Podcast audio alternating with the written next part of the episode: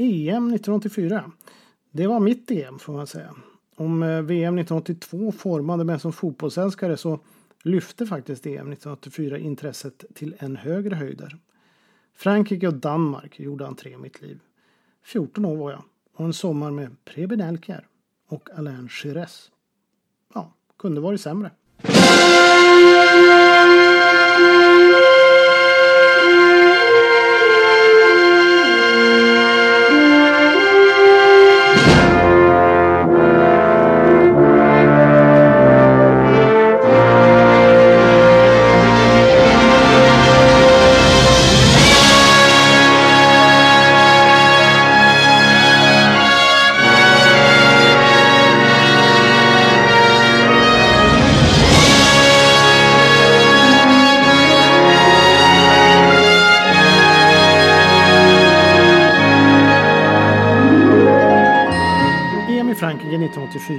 Michel Platini vann turneringen nästan på egen hand. Ändå var han en del av ett mittfält som är bland det finaste Frankrike såväl som världsfotbollen har fått uppleva.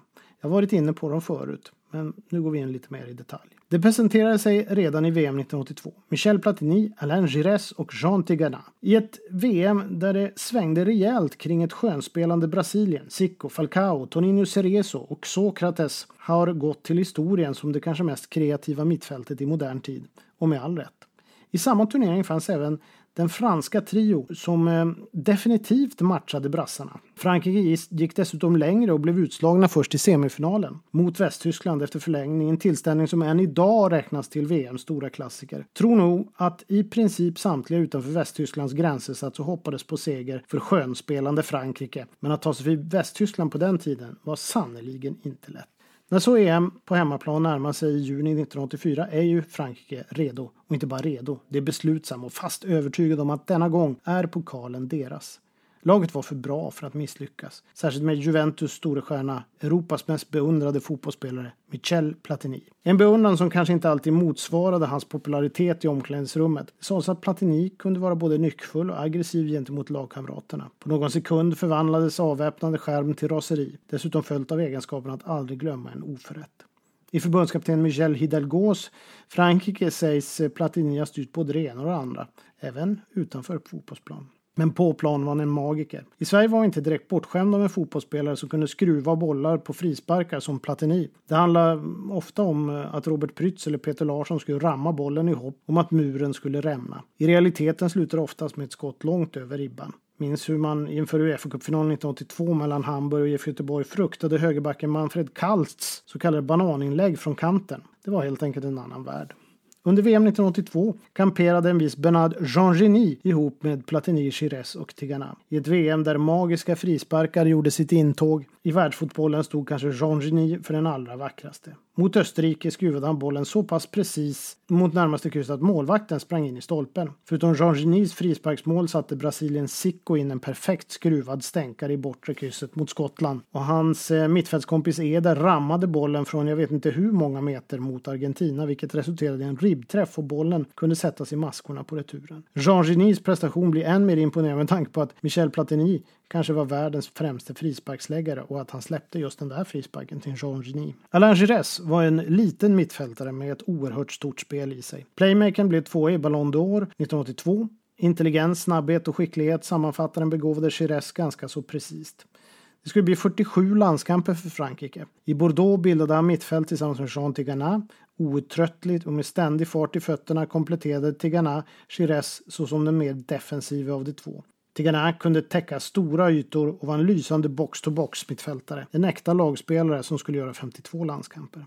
Den fjärde i den berömda magiska fyrkanten blev Paris Saint-Germains eh, Louis Fernandez. I hela 60 landskamper skulle han ta det defensiva ansvaret på mittfältet och med den äran. Kanske den som i egenskap av spelare fått minst uppmärksamhet av begåvningarna på det franska mittfältet, men ack så viktig för laget. Om 1982 var en förövning skulle EM 1984 bli lite av en defilering i konsten att vinna ett stort mästerskap. Kan faktiskt bara påminna mig om Brasilien i VM 1994 och möjligtvis 1970 som lika självklara seglare som just detta Frankrike. För många blev EM 1984 en upprättelse för underhållande fotboll på den europeiska kontinenten. Frankrike, Danmark, Jugoslavien och viss mån Portugal gick i bräschen. Ett EM som stod i bjärt kontrast mot den eländiga turneringen 1980. Nu fanns åter hopp för fotbollen, vilket rymdes i en magisk fyrkant. Michel Platini, Louis Fernandez, Alain Giresse och Jean Tigana.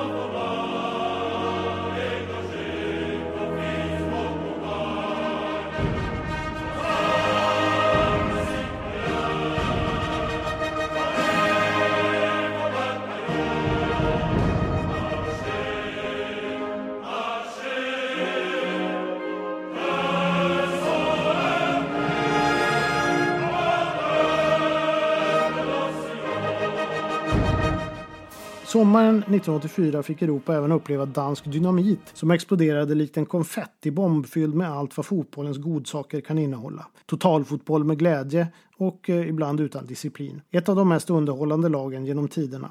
Danmark i EM 1984 är en av de där vackra sagorna i fotbollsvärlden. Visst, det vann inte utan fick respass i semifinalen, men det erövrade hjärtan, skratt och beundran. För den fotboll som spelades var magnifik. En totalfotboll som byggde på glädje till spelet hos ett antal mycket begåvade lirare, med glädjen följde också en sorglöshet som så ofta hos det danska laget dittills kunde passera gränsen för det oseriösa, vilket innebär att Danmark faktiskt fram till 1984 aldrig riktigt räknas till de respekterade lagen i Europa. Dessutom hade man också hållit rätt länge på principerna om att landslaget endast skulle innehålla amatörspelare och inte proffs, något som exempelvis Sverige släppte på betydligt tidigare. Först 1971 tilläts utlandsproffs i danska landslaget, men trots att flertalet supertalanger talanger såsom Allan Simonsen, Sören Lerby, Preben Elkjær och Frank Arnesen drog på sig landslagströjan blev det inte bättre, mycket tack vare en total frånvaro av disciplin. Den dåvarande förbundskaptenen Kurt Nielsen var varken intresserad av taktik eller regler. Däremot kunde det hända att han bjöd spelarna på öl, smörbröd och snaps. Tysken Sepp Piontek anlände som förbundskapten 1979 och såg till att strukturera upp en samling hyperindividualister. Ja, så långt eh, det nu gick. Men balansen mellan förbundskapten och spelare blev till slut en succé. I EM-kvalet 1983 till exempel vann man borta mot England med 1-0 på en straff av Danmarks store stjärna Allan Simonsen. En tydlig milstolpe hade nåtts då det på 80-talet för nordiska landslag såg som oerhört meriterande att vinna över just England. Simonsen var en europeisk gigant trots sin litenhet. En gång Europas bästa fotbollsspelare. Firade stora triumfer i ett Borussia Mönchengladbach när det var som allra bäst. Fortsatte sedan till FC Barcelona, vilka han tog till cupvinnarcuptitel under en period då Barca stod i skuggan av klubbar som främst Real Madrid och Real Sociedad. När så Diego Armando Maradona köptes in för att spela ihop med det tyska mittfältsgeniet Bernd Schuster så blev plötsligt Simonsson den tredje utländske spelaren att tävla om de två platser som ligan tillät.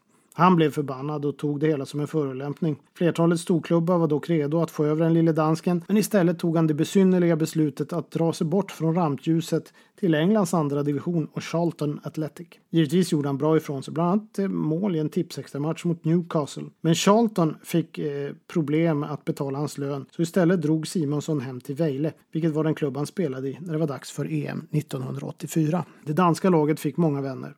Totalt avslappnad inför mötet med press och supportrar skärmade man hela Frankrike. Och inte blev det sämre av att de danska fansen, roliganerna, visade sig bara bli gladare ju längre turneringen pågick och desto mer öl de fick i sig. Ett ovanligt fenomen i de huligantider som rådde på 80-talet. Vid ett tillfälle i Lyon hade man tömt hela gatans otaliga barer på öl vilket tvingade roliganerna att dricka vin. Men inte ens det kunde slå ner på det goda humöret. Under turneringen anslöt en del av spelarna till roliganerna för öl och lite umgänge. De var ofta rätt nära varandra, spelare och fans. Elker var detta Danmark personifierad. Preben Elker. Det finns så många historier och skämt om honom. Några kanske är sanna, men sannolika är dock alla. En favorit jag hittade var ett tidstypiskt populärt danskt skämt egentligen som väl speglar bilden Danmark och säkert Preben själv hade av just Preben Elkjær. Johan Cruyff, Michel Platini, Diego Maradona och Preben Elkjær diskuterade vem som var den bästa fotbollsspelaren. Cruyff sa att Hollands drottning påstod att han var världens bästa fotbollsspelare. Så om det är något att prata om. Påven av Rom säger att jag är den bästa fotbollsspelaren i världen, svarade Platini. Maradona påstod att Gud hade sagt att det minsann var argentinaren som var den bästa fotbollsspelaren i världen. Det har jag aldrig någonsin sagt, svarade Preben Elker. Efter den sista gruppspelsmatchen i EM 1984 visste Piontek att detta danska landslag inte skulle acceptera något annat än ett rejält party. Och det fanns inga restriktioner, förutom att man måste vara i säng senast klockan 05.00. Pressen fick nys om detta festande mitt under turneringen, vilket kallades för Danmarks tredje halvlek. Piontek reagerade med ilska gentemot pressen, vilket han ansåg inte hade något att göra med om laget var ute och drack. Det var upp till spelarna om de ville ha 5, 10 eller 15 öl och några cigaretter bara. Det var på plats vid frukost klockan 11.00. Det fanns ju ingen mening med att skicka dem i säng så tidigt som klockan 01 efter en sån här seger. Ödet skriver ibland manus som en kratta. Men lika fullt går det inte att värja sig. För Danmarks del eh, på 80-talet kan det sammanfattas med ett enda ord, Spanien. I de två stora mästerskapen EM 1984 och VM 1986 var det just där det tog stopp. Men när det stod klart där och då under EM 1984 att Spanien och inte Västtyskland skulle stå som motståndare i semifinalen trodde en hel fotbollsvärld att det var klart med drömfinalen mellan Frankrike och Danmark. Men ödet ville annorlunda, vilket också var rätt karaktäristiskt för detta danska lag. Spanien hade, som vanligt på den tiden, inte rosat marknaden men ändå hackat sig fram till en semifinal efter ett sent mål i sista gruppspelsmatchen. Det började också bra för Danmark. 1-0 redan efter sju minuter och de flesta insåg att det bara var en transportsträcka fram till finalen. För inte kunde väl detta magiska Danmark förlora mot mediokra Spanien. Men danskarna lyckades inte förvalta sina chanser och till slut kvitterade Spanien. I förlängningen blev dessutom Klaus Berggren utvisad och det hela slutade med straffar där till slut den mest självsäkra av dem alla, Preben Elkjær, sköt över och Spanien var i final. Tomheten var total. Inte ens öl hjälpte för att få det danska laget på bättre humör. Motorcykelpolisen och målvakten Ole Kvists tjänstledighet var över. Men nu var han helt plötsligt namn i fotbollshistorien efter ett lysande EM. Men han var inte ensam. De danska namnen klingade likt idel ädel fotbollsadel ute bland världens fotbollsfans och skulle så göra under en längre period. Mårten Olsen, Frank Arnesen, Preben Elker, Mikael Laudrup, Sören Lerby med flera. Det hade satt dansk dynamit på kartan. Det hade underhållit och visat att när det är på gång är de ostoppbara. Det hade skärmat, det hade festat, det hade roliganerna och det såg fram emot VM 1986. Vilket skulle bli ännu en fest med dansk dynamit som dock ändade med förskräckelse i ett möte med just Spanien. Alltid detta Spanien.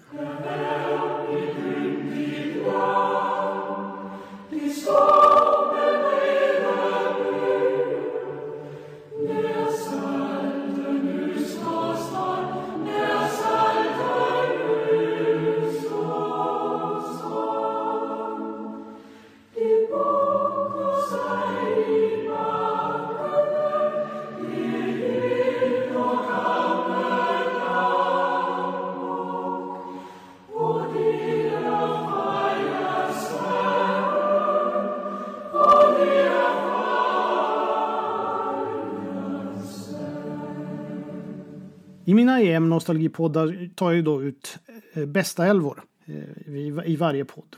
Och det är olika favoritälvor där fyra kriterier blandas. Först och främst prestationer i EM, därefter hur bra det var i övrigt, följt av hur bra jag gillar dem samt avslutningsvis tar jag bara ut sådana som jag känner till. Subjektivt med andra ord och eh, tanken är mer att väcka till tanke och nostalgi och kanske komma på andra eh, spelare. Och nu är vi framme eh, vid Old School Fotbolls EM Nostalgis 80-talselva. Alla dessa spelare blev uttagna i något av All-star-lagen under turneringarna 1980, 84 och 88. Målet är att kunna matcha den elva som röstades fram på Uefa.com, All Time Euro 11, vilken hade en extrem tyngdpunkt mot spelare från senare tider. Ska försöka ta ut då som sagt för ett lag från varje decennium och nu är jag framme vid 80-talet. Men jag drar den här uh, All Time Euro 11 så ni vet vad det är vi har att gå upp emot. Där är det målvakt Gianluigi Buffon Försvaret Filip Lam, Kalles Piol, Frans Beckenbauer och Paolo Maldini. Mittfältet bestående av Zinedine Zidane, Andrea Pirlo och Andres Iniesta. Och anfallet Cristiano Ronaldo, Thierry Henry och Marco van Basten. Det är ju med andra ord ett rätt hyfsat lag. 80-talet handlade ju om 4-4-2 men med tanke på vilka gubbar jag har att tillgå så tänkte jag göra en Lars Laban Andersson, det vill säga göra lite motstånd mot den förhärskade raka 4-4-2 och använda mig av en mittfältslivro. Ni kommer få se hur jag tänkt. Men här kommer i alla fall 11. Håll i er!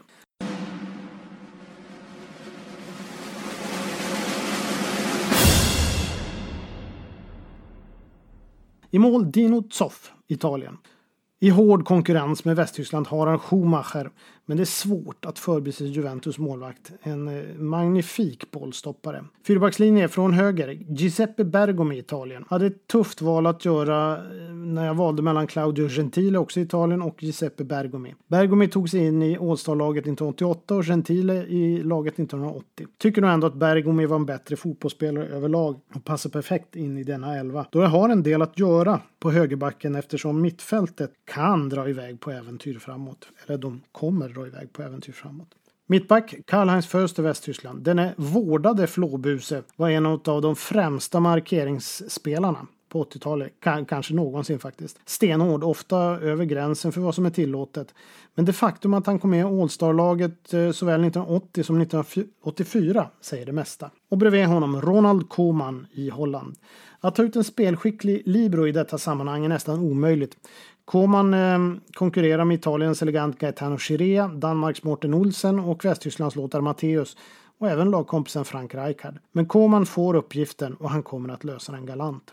På, på vänsterbacken Andreas Brehme, Västtyskland. Här är strid på kniven mellan två Kaiserslautern-killar. Hans-Peter Briegel mot Brehme. Den senare är dock en bättre fotbollsspelare totalt sett. Och kanske borde Paolo Maldini tagit platsen då han kom med i All-Star-laget 1988. Men känner nog ändå att Brehme dominerade 80-talet. Maldinis tid skulle komma. Minsann. Och nu kommer vi till mittfältet. Och det är här jag börjar med en liten mittfältslibro. Och han heter Frank Rijkaard, Holland. Här går jag från ifrån ett rakt mittfält och plockar in Rijkaard som mittfältslibero. Framförallt därför att han är så pass bra att han borde vara med. Eh, kanske som mittback, men med tanke på övriga herrar på mittfältet behövs någon som håller fortet tillsammans med Ronald Koeman och markeringsmästaren Förster. Detta innebär att Lothar Matthäus inte tar plats i denna elva, vilket kan tyckas vara en liten skandal. Men konkurrensen är mördande. Och sen har vi liksom ett tremanna offensiv mittfält som jag är särskilt förtjust i. Bernt Schuster, Västtyskland, har legat vaken om nätterna och funderat över ifall jag ska ta ut Frank Arnesen från Danmark istället. Men hur bra än Arnesen var så var Schuster i en nivå för sig.